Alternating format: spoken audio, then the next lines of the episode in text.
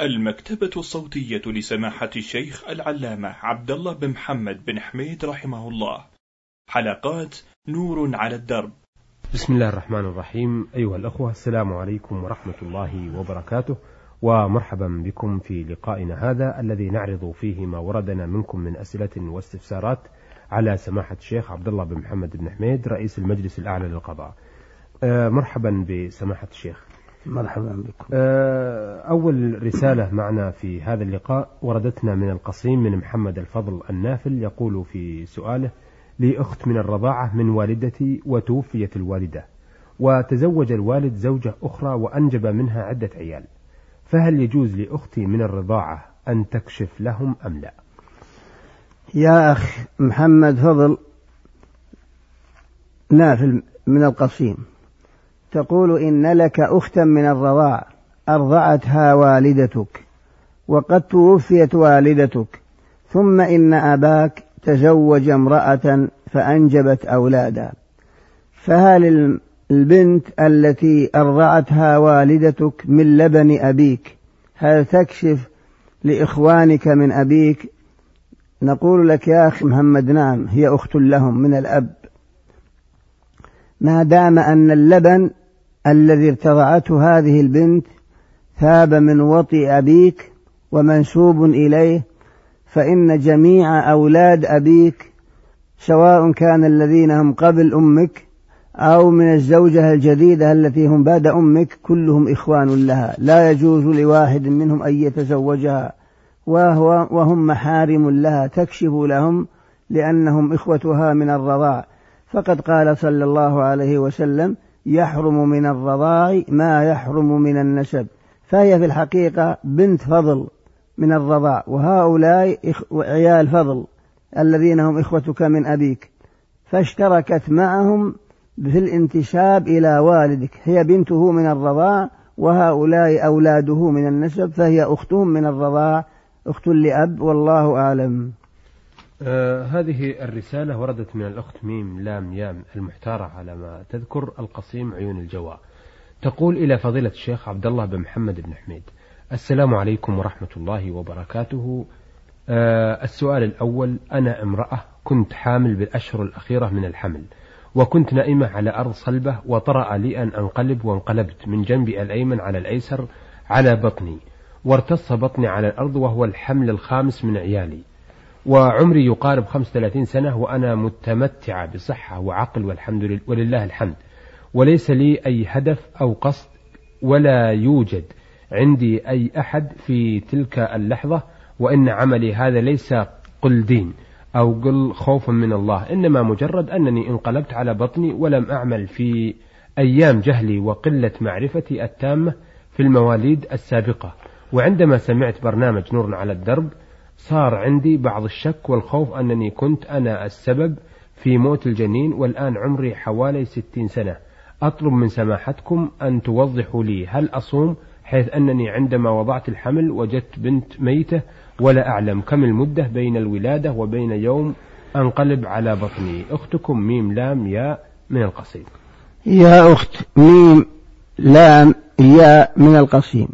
من عيون الجواء تقولين إنك حينما كنت بنت خمسة وثلاثين سنة وكنت حبلاء وفي أثناء الحمل انقلبت على جنبك ثم على بطنك على أرض صلبة ثم بعد مدة جئت ببنت ميتة. ولا تدرين عن المدة التي بين الانقلاب على الأرض الصلبة على بطنك وبين الوضع الذي كانت بان فيه أن البنت ميتة. فهل عليك من صوم؟ نقول لك يا أخت ميم لام يا أبدا ما عليك شيء. أولا لم تتسببي بقتلها ولا تعلمين.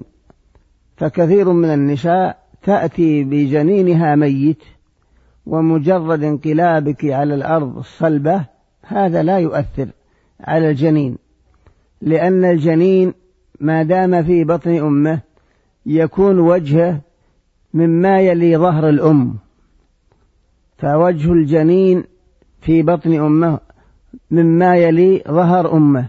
فإذا انقلبت على بطنها على الأرض الصلبة فهو يوالي ظهره لا يوالي وجهه. والحاصل على أي تقدير؟ ليس عليك شيء لا صوم ولا غيره. وأرجو أن ذمتك بارية لأنك لم تتحققي أن موته بسببك. ومثل هذا لا يموت بمثل هذا السبب مع أنك لم تعلمي عن المدة التي هي بين انقلابك على وجهك على بطنك وبين الوضع الذي بان فيه أن البنت ميتة. الحاصل ما عليك إن شاء الله صوم ولا إثم ولا شيء ونرجو من الله لنا ولك التوفيق. أه سؤال الأخت من القسيم الثاني تقول أنا مكلفة بوصية ضحية عشاء جمعة ولا أعلم ماذا أقول في وقتها أرجو إفادتي في ذلك.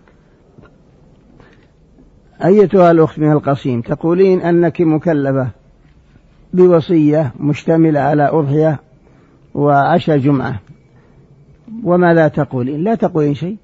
إذا جاءت الأضحية ووقتها تشترى وتذبح يوم العيد أو في أحد الثلاثة الأيام بعد العيد لأن أيام الذبح أربعة يوم العيد وثلاثة أيام بعد بعد العيد وهو عيد الإضحى. إنما السنة أن الذابح يقرأ يقول بسم الله اللهم هذا منك ولك قل إن صلاتي و قل إن صلاتي ونسكي ومحياي ومماتي لله رب العالمين لا شريك له. وبذلك أمرت وأنا أول مسلم. بسم الله والله أكبر. اللهم هذا منك ولك. اللهم اجعلها عن فلان وتقبلها. هذا الذي يقوله الذابح. وإذا لم يقل شيئا من هذا بل قال بسم الله والله أكبر يكفي. إنما الأعمال بالنيات. أما عشر الجمعة كما هو معتاد في القصيم هذا لا أصل له. العشاء في أي يوم سواء كان في جمعة أو في الخميس أو الاثنين أو في أي يوم من رمضان. وتخصيص ليالي جمع رمضان كل هذا لم يدل عليه دليل لا من سنة ولا غيره. وإن كان عادة أهل القصيم يفعلون هذا لكنه عن حسن نية واجتهاد. وإلا تخصيص الصدقة مثلا أو العشاء بليلة الجمعة هذا لا أصل فقد قال رسول الله صلى الله عليه وسلم لا تخصوا ليلة الجمعة بقيام من بين الليالي ولا تخصوا يوم الجمعة بصوم من بين الأيام إلا أن يصوم يوما قبله أو يوما بعده. فإذا أخرجت الصدقة لا سيما وقت الحاجة فهو أفضل من تخصيصها في ليالي جمعة رمضان. وفي و و وإلا ففي أي يوم من أيام رمضان كله خير إن شاء الله والله أعلم. آه هذه الرسالة آه يقول مرسلها البشير محمد من جمهورية السودان الديمقراطية. آه يقول في رسالته وقد بعث بعدة أسئلة منها هنالك مسجد له إمام راتب ويصلي فيه إنسان منفرد متعمدا إما قبل الإمام أو بعده ولا يصلي مع الإمام فما حكم صلاته؟ يا أخ بشير محمد من جمهورية السودان الديمقراطية. تقول إن عندكم مسجدا له إمام راتب ويصلي فيه الجماعة إلا أن شخصا واحدا يصلي منفردا إما قبل الإمام أو بعده ولا يصلي خلف الإمام. على أي أساس لا يأثم بهذا الإمام لا يجوز له. إلا إذا كان يعلم أن الإمام مبتدع لا تصح الصلاة خلفه كمن يذبح للقبور أو يطلب المدد من القبور أو يستغيث بأصحاب القبور فصحيح هذا لا يصلى خلفه. أما إذا كان الرجل سني ومن وعقيدته سليمة لم يكن فيها ما يوجب الشرك فلا ينبغي له أن يصلي منفردا بل ولا يجوز له بل لا بد أن يصلي مع المسلمين. فإن صلاة الجماعة معلوم خلاف العلماء فيها لكن أصح الأقوال أنها واجبة. فإذا صلى الإنسان منفردا بغير عذر فإنه يأثم. والله جل وعلا أخبر عن المجاهدين في سبيل الله. المقاتلين لم يسمح لهم بأن يصلوا منفردين بل تغيرت هيئة الصلاة وتغيرت كيفية الصلاة كل ذلك من أجل الجماعة.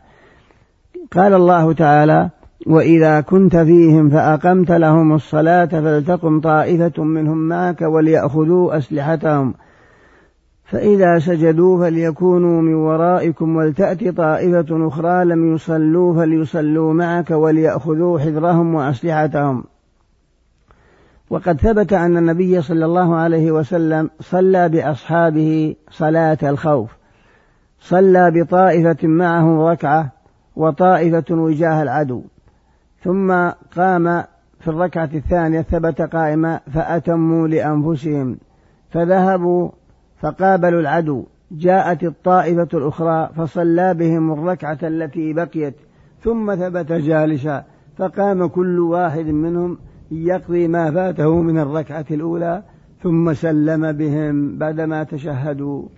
فانظر إلى كيفية صلاة الخوف. تغيرت الهيئة وتغيرت الكيفية. كل ذلك محافظة على الجماعة. ولم يأذن الله سبحانه وتعالى ولا رسوله بأن يصلي كل واحد منفردا على حدة. ذكر الإمام القرطبي وغيره في تفسير قوله تعالى وأقيموا الصلاة وآتوا الزكاة واركعوا مع الراكعين قال في الآية ما يدل على وجوب الجماعة وهو قوله واركعوا مع الراكعين وأيضا قال ابن مسعود رضي الله عنه لو صليتم في بيوتكم كما يصلي هذا المتخلف في بيته في بيته لتركتم سنة نبيكم. ولو تركتم سنة نبيكم لضللتم.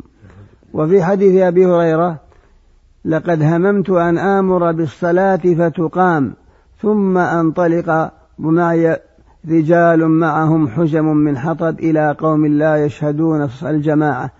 فأحرق عليهم بيوتهم بالنار. جاء في رواية أحمد والنسائي لولا ما فيها من الذرية لأحرقتهم بالنار. فدل على أن الجماعة واجبة والرسول هم بإحراقهم لتخلفهم عن الجماعة لكن منعه من ذلك ما في البيوت من النساء والأطفال وهؤلاء لا لا, لا جماعة عليهم. فهذا كله نعرف وجوب الجماعة فهذا الذي يصلي منفرد لا شك أنه مخطي وآثم فينبغي مناصحته إلا أن يكون الإمام مبتدع لا تصح الصلاة خلفه فينبغي أن يعزل ويؤتى بإمام آخر فيه الخير والصلاح والله أعلم. ثابكم الله. هذه أو السؤال الثاني من آه، الأسئلة يقول إذا سهى المصلي عن قراءة الفاتحة في الركعة الأولى حتى قام للركعة الثانية وقراءة الفاتحة فهل يعتد بالركعة أم آه، الثانية فقط؟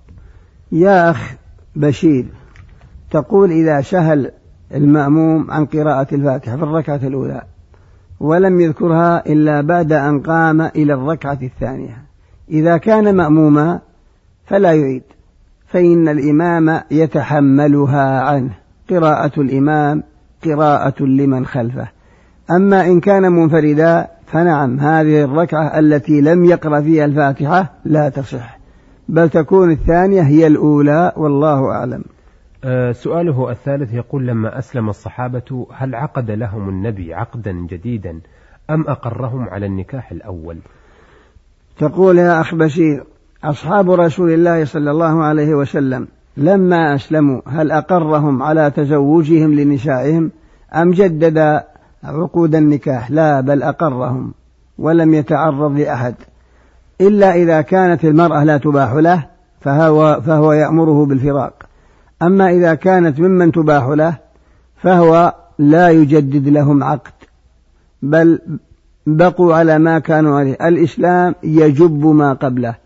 ومعنى قولنا إذا كانت تباح له كما لو أسلم وتحته بنت أخته فهي لا تحل له هذا لا بد من فراقها لأنها تحرم عليه أبدا حتى ولو بعقد جديد لا تصح له إذا كان لأنها من محارمه أو تزوج مثلا بنت أخيه فهذه لا تحل له بل لا بد من فراقها.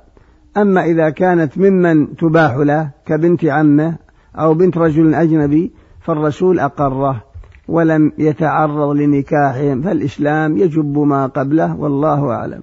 آه السؤال آه التالي يقول إذا تزوج رجل بامرأة ولم تنجب منه وطلقها وتزوجها رجل آخر وأنجبت آه منه ولد وكان الزوج الأول الذي طلقها له بنت من غيرها فهل يجوز لابن الرجل الثاني أن يتزوج ابنة الرجل الأول؟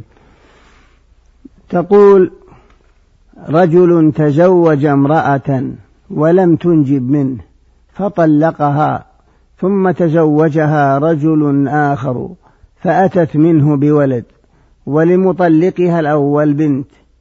فهل يجوز للولد ولد زوجته من الزوج الثاني أن يتزوج ابنته نقول لك نعم لا بأس به أجنبي أجنبية منه.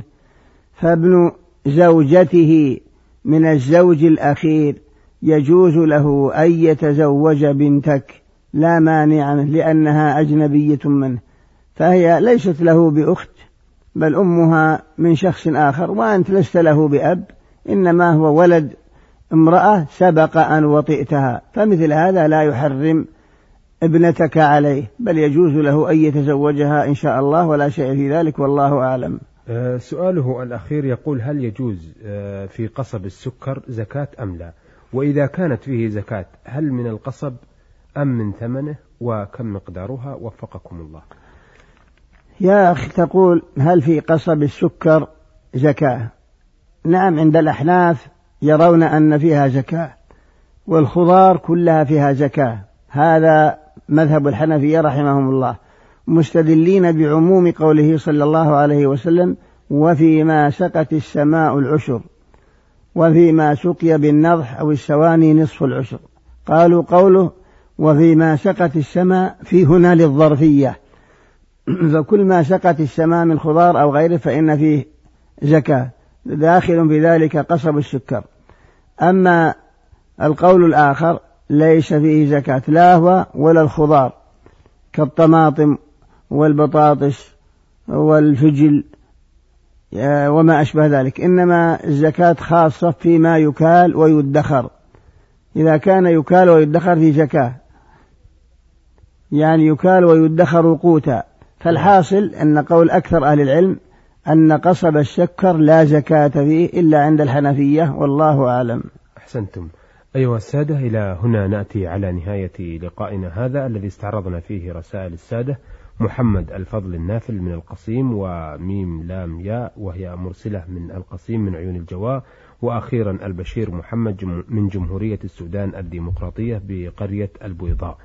آه، عرضنا الأسئلة والاستفسارات من الأخوة على سماحة الشيخ عبد الله بن محمد بن حميد رئيس المجلس الأعلى للقضاء. شكرا لسماحة الرئيس وحتى نلتقي نستودعكم الله والسلام عليكم ورحمة الله وبركاته.